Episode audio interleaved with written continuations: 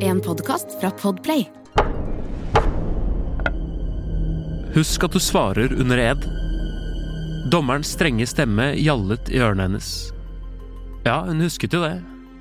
Men det hun husket enda bedre, var at hun hadde sett den eklingen som nå satt foran henne i rettssalen i fjor, sammen med venninnen hennes Patricia. Det var en fredag kveld i 1982, og de hadde jobbet sammen på gata som de pleide. Det var få kunder den kvelden, så kanskje er det derfor hun fremdeles kan se for seg mannen som tok med seg venninnen på en tur, som de kalte det. Han hadde parkert bilen litt bortenfor, og kom nå mot dem med dansende skritt. Da han nærmet seg, plystret han, stoppet opp, og så vinket han på Patricia. Det er derfor hun husker hendene hans også. Store klubber som snart skulle ta på venninnen hennes. Men dette var de vant til. Hun var også vant til at folk forsvant fra tid til annen. De fant seg andre gater å jobbe fra. Og derfor hadde hun ikke reagert når Patricia ikke kom tilbake etter denne dagen. Nå satt mannen foran henne i rettssalen, mistenkt for å ha kvelt venninnen hennes med klubbehendene sine. Ja, jeg husker det. Og jeg er helt sikker på at det var han som sitter der som tok henne med seg den dagen, svarer hun og peker på den tiltalte. Men hvordan kan du huske det så tydelig, når du selv jobber som prostituert, har ruset deg i årevis, og det er så mye annet du har fortalt som ikke stemmer? Det er fordi han så spesiell ut. Og så var det de store, fæle hendene, svarer hun. Ikke lenge etter slår dommeren klubba i bordet og erklærer saken ugyldig. Årsaken er at vitnet ikke er troverdig. Den tiltalte, som heter Samuel Little, går fri. Dagen etter kveler han sitt neste offer.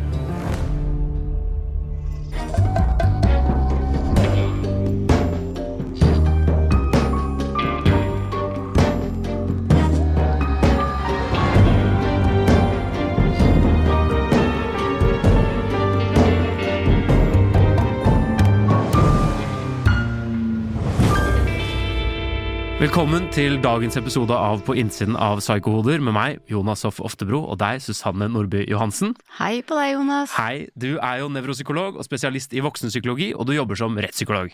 Og i dag så skal vi prate om Samuel Little, den seriemorderen som har drept flest. Og som var den første jeg sa at skal vi noen gang ha en podkast, så er vi nødt til å snakke om Samuel Little, for han er så spesiell. Så dette her, det gleder jeg meg skikkelig til, å dykke inn i han. Ja, det gjør jeg òg. Og han har også en utrolig hukommelse, som vi skal komme mer tilbake Spesiell til etterpå. hukommelse. Ja. Men aller først litt mer om Samuel Little.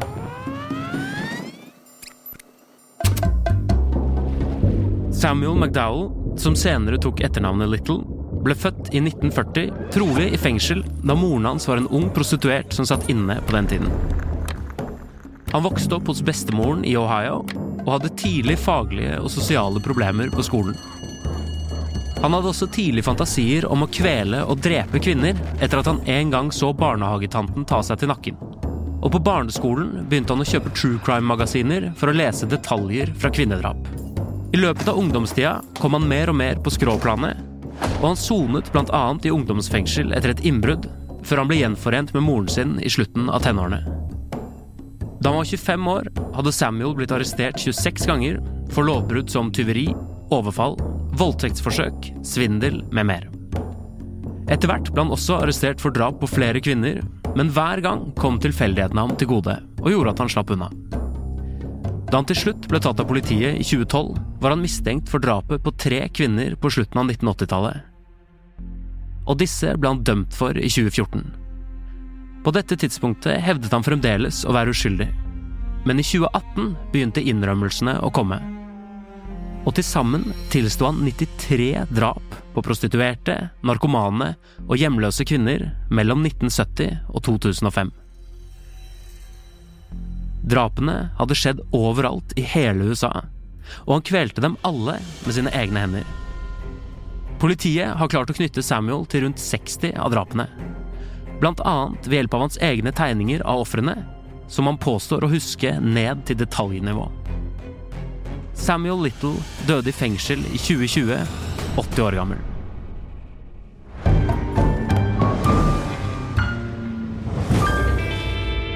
Ok, nå er det 60 av drapene de har eh, klart å identifisere. Ja, for stor del på bakgrunn av det han har tegna, pluss at han har fortalt detaljer om eh, hva slags smykker de hadde, hva slags eh, klær de hadde, hvordan hårfrisyre de hadde.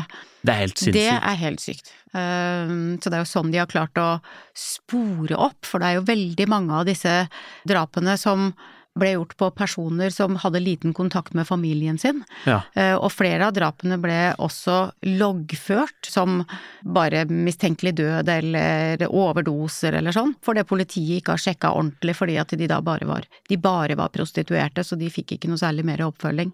Nei. Men det har også blitt rulla opp en hel haug med familier som faktisk har savna de som har vært drept, da. Så de har gjort et etterforskningsarbeid som er helt uten sidestykke eh, FBI, altså. Ja. Helt, helt fantastisk å se på disse eh, seriene om han. Ja, for vi skal komme tilbake til eh, drapene og etterforskning og alt mulig, men vi må begynne litt tidligere. Mm. Han har jo en mor som er prostituert, og veldig ung, når hun føder ham i fengsel. Og så blir han jo sendt vekk fra henne til bestemoren sin, Mm. så han vokser jo ikke opp sammen med moren sin. Nei, men han har jo en, eh, en morsfigur. Det er jo tydelig at den bestemoren har jo vært der for han. Ja. Men det er jo han som ikke er helt på plass. Helt fra start. Men må det ikke være ganske vanskelig å oppleve at liksom noe av det aller første som skjer med deg, uansett om du er bevisst eller ikke, det er at du blir tatt vekk fra moren din og på en måte Når du føder i fengsel i USA og barnet ikke skal være hos deg, så får du ikke lov å holde barnet. Eh, og du får ikke den eh, første kroppskontakten med babyen. Eh, Nei. det gir de deg ikke lov til, fordi at de mener jo at den tilknytninga som du får i det øyeblikket der, den er ganske sterk. Ja. Så den første nærkontakten han har hatt, er mest sannsynlig med en eller annen fengselsbetjent, og da bestemor. Og hvis han kommer til sin eh, mormor eh, når han er en dag gammel, så har Da begynner den tilknytningsprosessen som eh, barn trenger for å få en trygg tilknytning. Så så lenge den bestemoren har vært stabil til stede, gitt mat, eh, kjærlighet og nærhet, eh, så tenker man at det skal gå veldig bra. ja. Men vi vet jo heller ikke akkurat når han kommer til bestemoren, og så vet vi jo ikke hvordan hun bestemoren var. Nei. Men vi må jo kunne anta at det er et eller annet som ikke har vært helt som det skulle når han blir så rar som han blir. Ja, og hvis han ble tatt fra mammaen helt i starten, da, eh, fra et fengsel, og de for eksempel ikke visste om det var noen relasjoner, Ja. så er sannsynligheten for at han tilbrakte en del av starten på livet sitt eh, i en institusjon. Mm. Og hvis du tenker tilbake når han ble født, han ble jo født i 1940, de hadde ikke den samme standarden på det å ta vare på barna den gangen som det vi har nå. Vi vet jo litt om hvordan ting var i Norge på sånne institusjoner. Mm. Så da er det jo noe som har gått skeis allerede i starten der, selv om den bestemora kanskje gjorde en forholdsvis ok jobb. Men på utviklinga hans, som vi sikkert skal komme tilbake til, jeg regner med du har noen spørsmål, Ja. så kan det jo tyde på at eh, noe har gått veldig gærent allerede helt i starten. Ja, for jeg tenker på, når du så, i så tidlig alder som seks år, begynner å på en måte fantasere om hals og nakke og det å kvele kvinner. Han må ha sett noe. Du tenker det? Altså, barn på seks-syv år har jo ikke for vane å fantasere om sex og drap. Nei. Med unntak av hvis ikke de har opplevd noe, blitt utsatt for noe, og har tenkt at det kanskje er sånn ting skal være, for de vet ikke noe annet. Ja. Men hvorfor akkurat hals? Hva er det Nei, med hals det og nakke? vel, det er vel en fetisj, akkurat som noen har for sko og klær og lakk og lær. Ja. Så blir jo nakken en fetisj som gir en seksuell opphisselse. Og det er jo også litt det han sier sjøl, at når han var seks-syv år så kjente han på en, en eller annen form for varme og opphisselse når han så på denne lærerens eh, nakke og hals. Og det beholder han jo hele livet. Han beholder det hele livet. For det er et eller annet for han med å liksom drepe med hender på hals, som Mm. er veldig sånn Ja, og det tok jo litt tid før han begynte å drepe. Ja. Eh, Men i tida før det så var han jo også opptatt av eh, nakke og hals og ble seksuelt stimulert. Ja, han sier jo på et tidspunkt at eh, når han hadde kjærester, så unngikk han å se på halsen deres så Mm. mye han kunne, fordi det gjorde han helt gæren. Og det må jo da være en seksuell opphisselse. Men koblet med en sånn volds... Mm. Sex og vold sammen. Det er jo en kjent kombinasjon. Men fordi han begynner jo å kjøpe true crime-blader for å få detaljer om kvinnedrap. Mm. Det Det er er ganske skeivt dette her, altså Jonas. Han kan ikke ha hatt det bra i oppveksten sin. Nei, og det er jo nesten litt synd at, man ikke, at vi ikke får vite noe mer da, om hvorfor det er sånn. Han er jo født på Mm. 40-tallet, så det fins liksom ikke like mye utredelser og sånn. Nei, og så tenker jeg han var nok en mann når han begynte å fortelle om det han hadde gjort. så valgte han nok ganske spesifikt hva han fortalte, Ja, og hva han ikke fortalte. og hva han ikke fortalte. Ja. Mm. Og FBI her var jo veldig opptatt av å oppklare drap. Jeg tror ikke de var så veldig opptatt av å finne ut av noe særlig om barndommen hans. Så stort sett det jeg har sett av sånne serier om han, handler jo om drapene på en eller annen måte. Hvordan Ja. FBI fant ut det. De går lite tilbake i hans barndom, egentlig. Men er det tenkelig at han er blitt utsatt for eh, overgrep, eller? Det vil jeg tenke er ganske sannsynlig. Ja. De fleste barn på seks-syv år fantaserer jo ikke om eh, overgrep uten at de har en eller annen form for erfaring med det. Nei. Ikke meg bekjent, i hvert fall.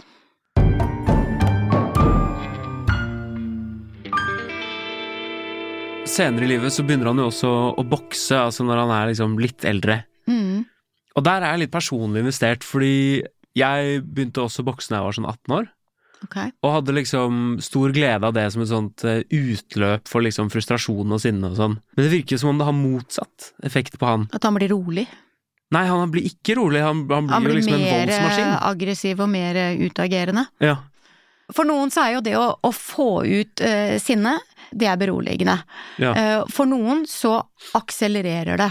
Og det er jo tydelig at det er det det har gjort for han, da. At han ikke klarer å stoppe den utviklinga i han sjøl, eller det som da skjer mentalt med han når Mm. han da slår. Og det er jo det som også skjer når han da begynner å drepe. Han har jo vært på kanten i veldig mange år, og han har jo utført veldig mye kriminelle, alvorlige handlinger. Og så på et eller annet tidspunkt så klarer han ikke å holde igjen, og så begynner han å drepe. Så jeg tror ikke det for han å bruke fysisk utagering som en sånn da nedroing hadde særlig god effekt. Nei, fordi han begynner jo på en måte å gjøre flere og flere forbrytelser. Og så virker det som overfallene og sånn blir verre og verre. Men som du sier, han venter ganske lenge. Altså, han er Jo, han er 30, Han er 30 år når han dreper første gang. og det er veldig uvanlig. Mm. Det er nesten ingen vi har snakket om som venter så lenge. om, han sa litt grann om det, at når han da hadde kjærester og sånn, at han prøvde å undertrykke det, han prøvde å se bort. Ja. Så han har jo kanskje hatt en eller annen form for selvkontroll, og prøvd å la være å drepe. Han har rusa seg en del òg. Har han det? Ja, Ja. han har jo fortalt det i eh, noen av intervjuene at eh, når han plukka opp disse prostituerte, som han gjorde, Mm. så har han sagt at vi satt og, og røyka cannabis eller smoked pot Ja. before the act. Eh, Sånn at jeg tror nok han har inntatt en del rusmidler også. Og hvis han har gjort det et stykke over tid, så senkes jo da terskelen for å kanskje utøve handlinger som han da bare har tenkt. Så får han ikke så god impulskontroll. Det er for øvrig aldri kommet fram noe som helst om at denne mannen ikke har vært tilregnelig, for eksempel. Nei. Så alt har jo vært kalkulert. Men når han først tipper over kanten Mm. og begynner å drepe, tror du at han alltid har hatt lyst til å drepe, eller kommer de mordene som en konsekvens av overfallet? Jeg tror han alltid har hatt lyst til å drepe, i hvert fall ut ifra hva han sier sjøl fra han var seks–syv år og når han begynte i ungdomstida å se på true crime-blader med, med drap på kvinner. Ja. Så har han i hvert fall hatt en eller annen form for fantasi Ja. og en eller annen stimulering hvor drap har vært inkludert. Ja, han tror, du tror han får glede av selve drapet, på en måte? Ja, ja, altså hvis du hører på hva han forteller, så er det jo drapet han har fått glede av. Ja, fordi han sier jo i et intervju med en psykolog, så sier han at det eneste han ville var å se ofrene gråte i Mm. armene sine. Nå er vi på makt og kontroll. Det er makt og kontroll. Ja. Ja, for det var det første spørsmålet mitt, da. Er det Mm. makt eh, over andre han vil ha? Så det er et ja. Ja, det er makt at han ser at han er den maktutøveren, eh, og at de blir underdanig og redd. Er det også at han på en måte liker lidelse Det kan jo være. Han liker jo å påføre andre smerte. Men så konfronterer psykologen han, og så sier han Men du forgrep deg jo både med å drepe dem også. Og så sier han sånn Ja, ok, da. Kanskje det ikke bare var at de skulle gråte i armene mine jeg ville. Nei, jeg ville gjerne drepe de òg. Ja, altså det er jo et eller annet annet der òg. Mm. Han gjør litt sånn som alle seriemordere vi prater om gjør, han lyver jo ganske mye. Han, han lyver, og han snakker veldig mye sant, som jeg syns er en rar kombinasjon, da. Men det har vi erfart, det er den verste kombinasjonen. Ja. Hvordan kan man forholde seg til det? At de snakker noe sant, og så snakker de noe eh, løgn, eller, Ja, eller noe de kanskje tror er sant sjæl, men ikke er sant. Ja, for det går også an. Ja, eh, og jeg tror jo at eh, når eh, Samuel Little sitter og forteller Ja. altså Hvis han har drept 93 stykker, som han da kaller for My Little Angels, så på et eller annet tidspunkt så, så må du surre litt med de. Over alle de åra han har holdt på. Ja. Sånn at det, det kan godt hende at han, eh, når han blir eh, konfrontert, så har han ikke nødvendigvis i sine øyne snakka usant, men han har blanda sakene. Ja. Han har blanda historien fra Odessa med historien fra Florida, for eksempel. Ja. Og at det han har gjort med, med nummer én og nummer tre kanskje har vært ganske likt, og så plasserer han det egentlig på, på nummer én, men det skulle vært på nummer tre. Ja. Så, så da vil det jo si at da, da, da lyver han jo i politiets sammenheng, men, men han gjør jo egentlig ikke det. Han forteller om hva han har gjort, men han blander sammen, fordi at det er så mange. Men tror du også at han bevisst ljuger litt? Ja, det tror jeg. Ja. Ja. At han lurer inn litt løgn i sannheten ja, for å skjerme seg selv og Ja, han, han ville jo vedkjenne seg drap, men det var jo andre ting han gjorde som han ikke ville vedkjenne seg i det hele tatt. for eksempel For eksempel voldtekt. Han blånekta på at han hadde voldtatt og, og begått overgrep. Hvorfor var det så viktig for han å nekte for det? Nei, det svarte han aldri på. Men uh, alt var frivillig, og han betalte de. Ligger det noe i det, at han har betalt for de, og da har han tror, jeg tror han tenker det, i hans naive verden. Ja. Jeg tror faktisk ikke Samuel Little er så veldig smart. Jeg tror han er ganske intellektuelt eh, svak, men han har noen styrker, sånn som blant annet det å huske en god del ting veldig visuelt. Ja. Men de får han jo aldri til å si at ja, jeg voldtok, blant annet. Men kan det være litt sånn som John Wayne Gacy, som på en måte brukte som argument at fordi de var prostituerte og han hadde betalt for dem, så eide han dem på en måte i den Ja, han perioden sier jo det. Han sier jo det sjøl. Og han har jo brukt, eh, han har jo brukt disse fantasiene og minnene, og han har jo laget seg et eierskap til disse kvinnene som mest sannsynlig gjør at det er grunn til at han husker så godt. Ja. Det er at han har eh, hatt de oppe i minnene sine om igjen og om igjen, og, og har tatt de opp tusenvis av ganger og blitt seksuelt stimulert. Ja. Og ligget på fengselscella og eh, på godt norsk runka etter minnene sine. ja, for han sier jo når han blir tatt, han blir jo tatt veldig seint, Mm. så sier han jo 'now it's just me and my victims'. For de lever liksom De lever i hodet hans. Jeg tror minnene til eh, Samuel Little er hans trofeer.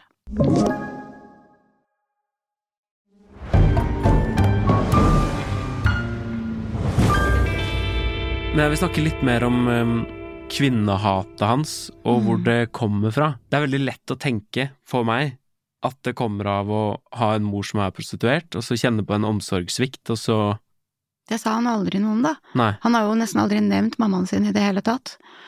Men jeg er jo helt enig med deg. Altså, kvinnehatet må jo komme fra en plass. Og han må ha hatt med seg noen erfaringer i livet sitt som ikke har vært bra. Ja. For alt vi vet så kan jo denne bestemora ha hatt en eller annen mannsfigur i, eh, i huset og i hjemmet, Mm. som vi ikke får vite noen ting om, som kanskje har utsatt denne bestemoren for overgrep og vold. Han er jo en klassisk eh, sånn type person som jeg vil tenke har vært utsatt for vold tidlig, utsatt for seksuelle overgrep tidlig, og det betyr ikke nødvendigvis at han har blitt utsatt fysisk selv, men han kan ha sett. Han kan ha observert. Ja. Ja. Og så velger han seg jo en eh, kvinnelig omsorgsperson i voksen alder.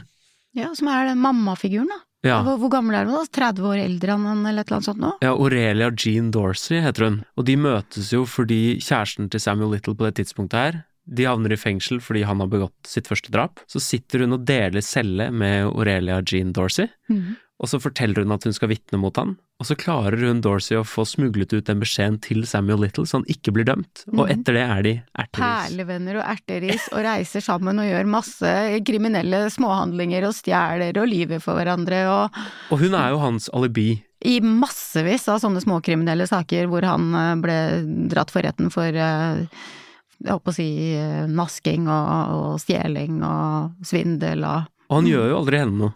Ingenting. Og Er det er derfor jeg tenker at hun må være hans morsfigur. Ja, for kan det hende at den tjenesten hun gjorde ham, som var å fortelle han om dette, om vitningen og sånn, at det på en måte for han var Det var kjærlighet i det, da? Det Ja, var omsorg og ja, hun var jo glad i han, ville hjelpe han. Ja. Hun kjente han ikke engang, så hun hadde ikke noe grunn til å gjøre det. Nei, Etter hvert så kjente de hverandre jo veldig godt. De reiste jo sammen i hvor var det, 26 år eller noe sånt nå. 16. 16 år før hun døde. Ja. Du blir ganske godt kjent med en person i 16 år, og i alle de åra der så vitna hun jo foran mange ganger, i mange saker. Ja. Men tror du hun visste at han drev og snek seg ut på kvelden og drepte? Tror jeg helt sikkert. Han Ja. fortalte henne alt sammen. Ja, for han, han nekter jo for at hun visste om det. Ja, det Men det klart sier han kanskje bare for å beskytte henne? Kanskje. Ja. Ellers så, ellers så fortalte han henne at uh, han hadde vært og kjøpt seg en prostituert, Ja, og så sa han ikke noe om hva han gjorde etterpå. det kan hende. Det er jo mange av de vi har snakka om som har levd et veldig skjult liv. Men det er jo noe dobbelthet i det at han vil ha en morsfigur, så han reiser sammen med denne Dorsey, men samtidig så dreper han jo kanskje på grunn av sin egen mor, da. Mm.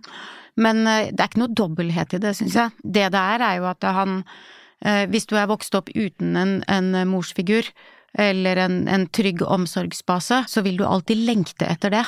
Jo, den er jeg med på. Ja. Men hvis du følger meg på det at han vil ha en, eh, en omsorgsperson som er en mor, Mm.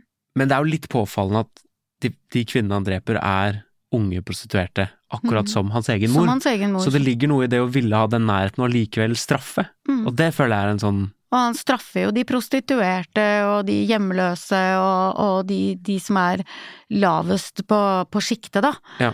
Eh, og han forklarer jo det på et eller annet tidspunkt, at han, eh, han tok de fordi eh, de ikke ville bli savna eller ikke ville bli funnet, eller det var ingen som var glad i de. Så han, han hadde jo en eller annen tanke om at disse løse fuglene Kanskje han gjorde de en tjeneste? Men der ligger det jo også noe litt sånn smart, gjør det ikke det? At han i hvert fall er smart nok til å tenke på at han velger seg kvinner for eksempel i utsatte grupper, som folk ikke kommer til å savne. Eller kalkulert?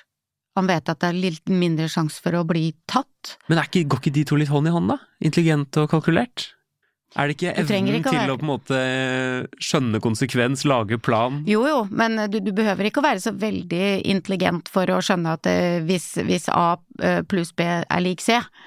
Du trenger ikke å være veldig smart for å skjønne det. I tillegg så utnytter han jo hull over, på tvers av stater og sånn, ikke sant. Han dreper masse i sikksakk, han kjører, Han jo gjennom rundt. hele USA. Så spørsmålet mitt er jo litt om om han har flaks og snubler inn i eh, noe hull i systemet som han ikke er bevisst på, eller om han Mm. tross alt er smart nok til å tenke Han er jo smart nok til å tenke at han bør gå på de som er i det lavere sjiktet, for det er sannsynlig, mindre sannsynlighet for å bli tatt. Og også det å bytte stater og Mm. Men han kjørte jo en del om natta, så det var jo en del av de sakene hvor han ikke sjøl var klar over at han kjørte over noen grenser og, og flytta seg fra county til county og sånn. Ja. Og, og det var jo også flere steder hvor han drepte fler. Flere netter på rad. Eh, så det er helt utrolig at han ikke ble tatt. Ja. Det er jo utrolig at politiet ikke kobla sammen at dette her må, må være noe så, så ja, jeg kan for så vidt være enig med deg. Kanskje han var lynende intelligent. Han slår meg ikke som det, altså. Nei, ikke meg heller, det er derfor, men, men altså han, han, atferden hans tilsier jo at eh, han hadde i hvert fall en eh, forholdsvis normal intellektuell fungering i forhold til årsak og konsekvens, da. Sånn Ja. som du spurte om. Enig. Og så tror jeg også at i den tiden her i USA, det er jo nesten alle de vi prater om, som har drept mange i den perioden her. De dreper mennesker i utsatte grupper som politiet rett og slett ikke bryr seg så Mm. mye om. Ja. Det er veldig mye homofile menn, og så er det prostituerte og afroamerikanske. Mm. Politiet i USA har jo ikke noe veldig god historie. Nei, det har de jo ikke. Altså, Sånn i forhold til menneskesyn og hvordan de behandla ulike grupper og sånn. Ja. Ok, det store spørsmålet. Fordi han sier han føler seg både som Gud og som djevelen. Er det en sinnsforstyrrelse? Jeg tenkte ikke på han som sånn uh, type psykisk syk i Nei. det hele tatt uh, på noen av de intervjuene jeg har sett. Han holder tråden veldig, han forteller veldig konkret og nøyaktig. Han svarer på spørsmål, han bruker ikke veldig lang tid på å svare på spørsmål. Nei. Så han har ikke noe psykotisk fungering på noen av de intervjuene jeg har sett. Og altså alle de tinga han har gjort, da han har planlagt at han skal gå, han skal hente en prostituert, eh, han sitter på bar, ikke sant, eller han plukker de opp på gata. Så han har Mm. ikke bare drept de som eh, han plukka opp fra et gatehjørne, han har jo også møtt noen på bar som han har tatt med seg i bilen sin, og de har jo kommet villig med han, så han må jo ha Mm. hatt en eller annen form for sjarmerende greie, og da Mm. må han jo ha planlagt den handlinga. Mm. Eh, han har jo aldri sagt noe om at han har hatt noen stemmer som sa at jeg skal drepe alle kvinner eh, Nei, fordi at de er, de er bare trash, for eksempel. Mm. Det er det jo ikke noe informasjon om. Og så har han jo på en måte kjørt bevisst til steder som det er mørkt, uoversiktlig, så han har jo han har jo ikke bare begynt å gjøre noe i fullt eh, påsyn, som kanskje en som ikke var helt til stede ville ha gjort. Ja. Og han har jo da dumpa de på steder hvor det var lite sannsynlig at noen ville finne. Ja. Så den rekkefølgen på disse handlingene her tilsier at han absolutt ikke var utilregnelig i gjerningsøyeblikket. Men er han sosiopat? Han fremstår ganske- ikke psykopatisk sånn sett. Nei, men det virker ganske premeditert. Det virker som han har tenkt han finner et modus operandi, og så holder han seg på en måte til det. Mm. Og det har han jo hatt siden han var seks-syv år. Men er han impulsstyrt? Kanskje sexlysten er eh, Eller altså fantasien om drapet liksom. drapet, opphisselsen, gjør at han plukker opp noe. For han har jo flere kvelder hvor han eh, Eller det var ikke fem på én kveld, men det var vel fem personer eller fem jenter i det samme området. Ja. Så det virker mer som gjennomtenkte eh, handlinger, da. Ja. Men han fremstår jo ikke veldig sånn psykopatisk med, med veldig sånne grandiose trekk, altså.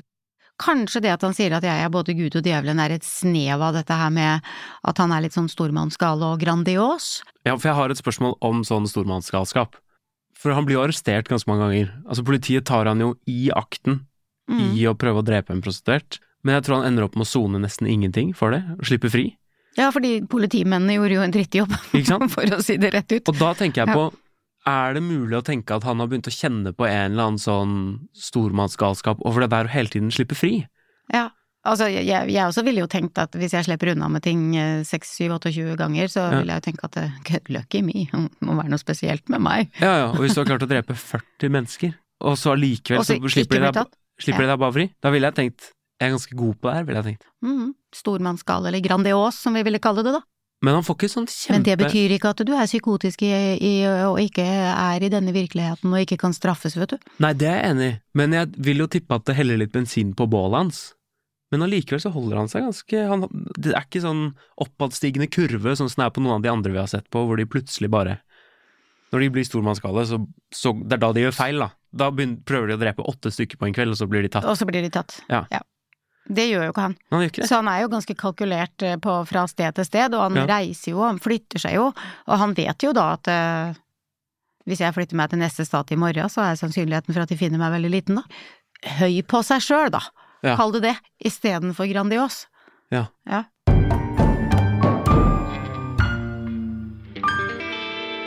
Han blir jo arrestert i 2012. Da er han 72 år gammel. Og Mm. da har de han for ett drap som de tror han har begått. Og han nekter jo. Det må jo komme av en tanke på hei, jeg har aldri blitt tatt før. Men så klarer de å koble han.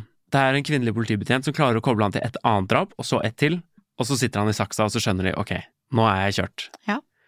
Takk til kvinnelige betjenter som ikke gir seg. Ja, det var helt rått. Men han mislikte jo henne kjempemye.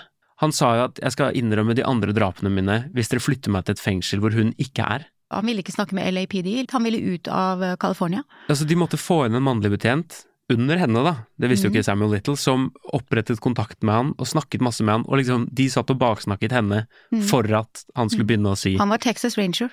Ja. og det var sånn det egentlig ble rulla opp sak. Det var at han Texas Rangers-fyren, han hadde en sak. Og når han kom inn, eh, så skjønte Samuel at han kunne klare å komme seg ut av California. Og det var han som sørga for at han kom til Texas.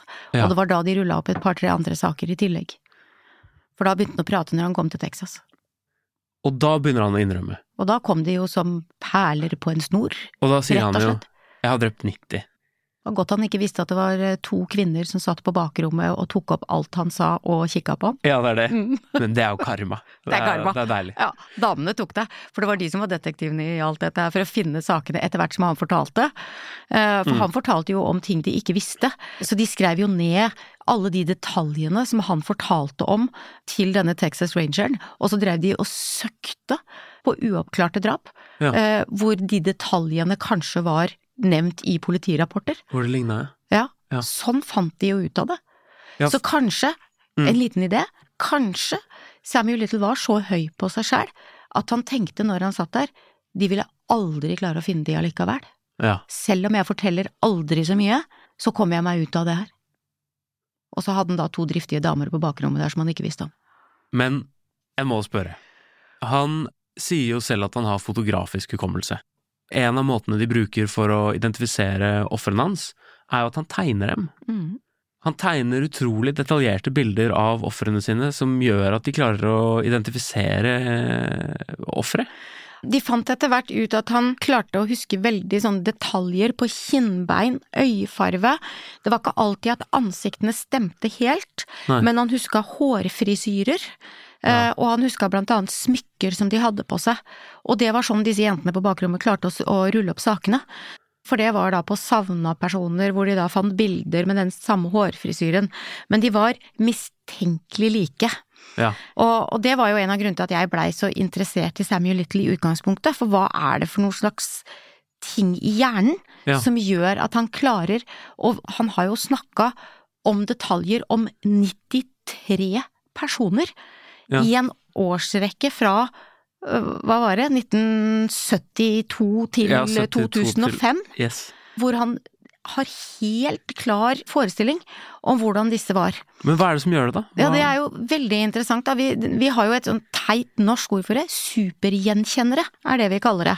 Supergjenkjennere? Ja, det er- ligger litt i ordet hva det er. Ja, ikke sant. Vi har jo ikke noe godt ord på det, fordi at motsatsen til dette her, Ja. det er jo ikke kjenne igjen i det hele tatt. ja. Det er jo å våkne om morgenen og vært gift med samme mannen i 15 år og aldri har kjent mannen din, og ikke vet hvem du våkner opp sammen med. ja. Det kalles prosopagnosi. Kan man plutselig få det? Eh, nei, de som har det er ofte født med det. Ja. At ikke de klarer å huske ansikter og gjenkjenne, men du kan også få en skade i hjernen din som gjør at ikke du kjenner igjen. Ok, ja. Og det er jo kobla til den bakre delen av hjernen, eller occipitallappen, som tar imot synsinntrykk. Mm. Eh, og så, den bakre delen av hjernen, den tar imot biter og deler. Ja. Og så sender den disse bitene og delene fram til noe som heter de fusiforme områdene, som ligger litt dypt i hjernen vår, ja. eh, som er sånne primære funksjoner. Og så settes det sammen via connections til det som kalles for hippocampus, som Ja. er de hjernestrukturene. Den derre sjøhesten som ligger på hver side av hjernen vår. Den husker jeg fra psykologi 1. Ja, er ikke det spennende? Jo. Eh, Jeg husker jeg lærte meg det fordi at den så ut som en sånn sjøhest, men den kalles for hippocampus, da. Og ytterst på hippocampus så har vi et lite område som er et sånt følelsesområde. Som når du kobler sammen disse bildene, synsinntrykka, i det fusiforme området opp i hippocampus, og så putter du på alle disse følelsene til Samuel Little, Mm. så klarer han faktisk å huske veldig mange av de detaljene. Så det er det supergjenkjennere gjør, da. De bruker ikke bare én del av hjernen, men de bruker mange deler av hjernen samtidig. Ja. Veldig effektivt. For å klare å kjenne igjen ting. Eller kjenne igjen ansikter spesielt, da. Ja, for jeg har hørt en husketeknikk Mm. er å koble utrolig groteske ting sammen med liksom helt sånn ordinære ting, da. Ja, for det gir deg en følelse. Ja. Er det litt det samme? Ja, ja. Du, du stimulerer flere områder. Ja. Og det er jo det husketeknikker egentlig gjør, eller det som kalles for Numanics, Ja. Det er jo det de teknikkene gjør for deg, det er at du assosierer. Og assosiasjon er en veldig sterk funksjon som hjelper oss å huske. Ikke sant. Mm. Sånn at eh, jeg tror nok at eh, Samuel Little har en hjerne som er skrudd sammen veldig bra. Men jeg vil jo si at hjernen hans er skrudd sammen veldig bra, men også veldig defekt. Ja ja, på, på noen områder. Men han er fascinerende nevropsykologisk, da. Det er jo Ja. derfor jeg sikkert har sagt helt fra dag én at han her, han er vi nødt til å snakke om, fordi at jeg syns nevropsykologisk at det han faktisk da ruller opp for disse politibetjentene er utrolig fascinerende. Jeg har et eh, kanskje litt barnslig spørsmål. Mhm. Jeg lurer på hvordan det går an å drepe så mange mennesker uten å liksom knuse av det. Han kan jo ikke ha noe empati, han må jo ha en alvorlig empatiforstyrrelse. Ja. Han har jo ikke hatt noen tanker om hva dette medførte for pårørende, altså eller de nære personene til disse menneskene, annet enn at han sier at ja, de kanskje hadde ikke noe for de var bare horer likevel, så det Ja. var sikkert ikke noen hjemme der, så jeg kunne like gjerne ta de. Det er jo forferdelig kaldt og lite empatisk. Ja. Sånn at han har jo en del psykopatiske trekk, altså denne empatiforstyrrelsen, og som jeg kanskje ville putta inn i det dyssosiale. Han forholder seg jo ikke til normer og regler og hva som på en måte er vanlig kutyme. Nei, nei. Og før vi skal gå til avslutning, siste spørsmål. Mm. Han eh, blir dømt i 2014, sitter seks år i fengsel, dør en alder av 80 år av naturlige årsaker. Mm. Han, klarte unnslippe, han klarte jo å unnslippe dødsstraff, da. Det var jo, det, det var jo også et av argumentene. De, de dømte han jo egentlig til dødsstraff. Ja. Og når han begynte å snakke med han Texas Ranger, så var jo et av forhandlingskorta til Samuel Little var jo Jeg kan snakke, jeg, hvis jeg ikke får dødsstraff. Ja, for spørsmålet mitt er Slapp litt billig unna, eller? Seks år soning. Men altså, han holdt jo på så lenge før de tok. Han, jeg tenker han var kjempesmart. Han kom seg unna med utrolig mye. Ja. Jeg syns han er så fascinerende som klarte å få til alt det der. Jeg er jo enig. Forferdelig, men jeg er enig. Ok, Samuel Little var naboen din. Det var en fyr som eh, hadde begått ganske mye lovbrudd, litt sånn inn og ut av fengsel. Han reiste veldig mye med bilen sin hele tiden. Jeg ville jo kanskje vært litt mistenksom hvis han bare drev og reiste rundt omkring og aldri hatt noe Ja, han hadde jo denne damen da, som kanskje bodde der sammen med han og, og reiste litt rundt sammen med han, så Ja. jeg kunne jo tenkt at han bare var eh, en ja, kall det en legemiddelkonsulent som eh, reiste av gårde og, og besøkte leger rundt omkring og var på farta og det er mange som har gjort det og kommet unna med ting. Og tror du du ville gjenkjent morderen i han? At du ville gjennomskuet eh, Nei, det tror jeg ikke. Nei. Det tror jeg ikke i det hele tatt. Og jeg tror ikke vi De tror jeg er utrolig vanskelig å kjenne igjen. Altså, ville du kjent igjen Breivik hvis han bodde ved siden av deg? Ville du kjent igjen uh, Jeffrey Dahmer? Uh, Jeffrey Dahmer har jeg større på en måte Det er noe med den lukta. Ja, ja. Men vi kan bruke et annet eksempel enn enn Jeffrey Dahmer, da. Ja.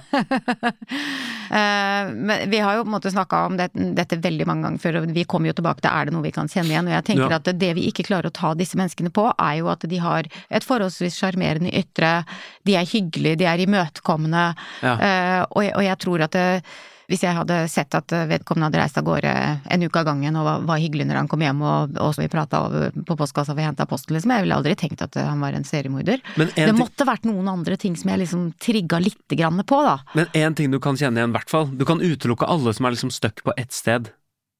Men han hadde jo ikke noe fast bopel. Nettopp. Så det var jo aldri noen som klarte å, å få noen relasjon til han. Det er en peiler med en gang. Ja ja, men da er han jo ikke naboen min heller, Jonas. Nei, det er sant. Det er sant. Så han tror jeg ikke altså, han, Han kunne ikke vært naboen din. Det er Nei, det som er han kunne ikke vært naboen min. ikke, det hadde ikke gått. Nei, han var jo Han har jo en del av disse, de, disse psykopatiske trekka, som sagt, da, som, som i utgangspunktet er at han er en kan være en veldig sjarmerende, hyggelig, overfladisk, sitte i baren, prate Tror du um, at det er noen måte han Hvis livet hans hadde vært annerledes, altså var han dømt til å bli en seriemorder, eller uh, kunne Samuel Little blitt en vanlig fyr? Han tror jeg har med seg en god blanding av genetikk og dårlig oppvekst og Hvis du tenker på de som har psykopatiske trekk, da. Eh, altså, de har det genetisk, sant. Og så hvis vi tar da to forskjellige oppvekster, så blir den ene drapsmann. Ja. Men den som bor hos en mamma og pappa som har egentlig fulgt opp veldig bra, Mm. gjør ikke det. Men de har fortsatt den samme empatiforstyrrelsen. De har fortsatt kanskje den samme sinne og aggresjonen og den, den dyssosiale biten, Mm. men den som på en måte har vokst opp i et miljø hvor han faktisk har lært en del om normer og regler, mens den andre ikke har gjort det, der er veien kortere til å gå over. Mens trekka er helt like, og de er begge det vi kaller for psykopater. Så Så hjemmemiljøet ditt, Ja. konklusivt, som vi har sagt mange ganger før, utrolig stor betydning. Og med det så er vi ferdig. Det var, det var dagens episode. Ja, nå fikk jeg virkelig snakke om Samuel Little, som jeg syns er så interessant. Ja. Eh, men jeg er enig, jeg syns det er en veldig interessant sak selv. Utrolig fascinerende med sånne folk som har eh, hukommelse, sånn som han er. Og at han klarte å drepe så mange, er helt sinnssykt. Bare det er, det er jo det mest fascinerende med han, er jo Ja. at han faktisk har drept 93 mennesker. Ja. Og neste uke Neste uke så skal vi inn i din eh, favoritt. Vi skal Nest etter Samuel Little. Nest etter Samuel Little. Ja, vi skal prate om eh, Jeffrey Dahmer neste uke. ja det, det, skulle bare mangle om ikke vi tok opp ham på et eller annet tidspunkt. Ja, En fyr som jeg har tenkt at på en måte har fulgt et ganske vanlig sånn seriemorderløp. Men jo mer men research jeg gjør han har jo ikke gjort noen vanlige ting, Nei, ikke i det hele tatt. Nei, men Vanlig for en seriemorder, men det er ikke vanlig for en seriemorder engang. Nei, det er ikke det. Det gleder jeg meg til. Og til deg som har hørt på, eh, hvis du likte dagens episode, hvis du koste deg, gi oss en rating på Spotify eller der du hører på podkast. Eh, Susanne, tusen takk for i dag, Takk for i dag, Jonas. og takk til deg som har lyttet på.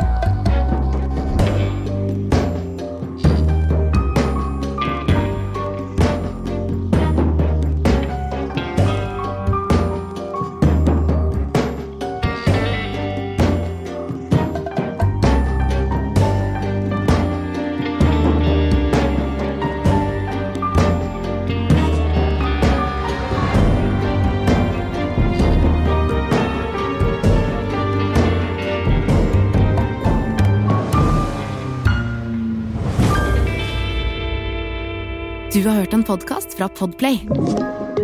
En enklere måte å høre podkast på. Last ned appen Podplay, eller se podplay.no.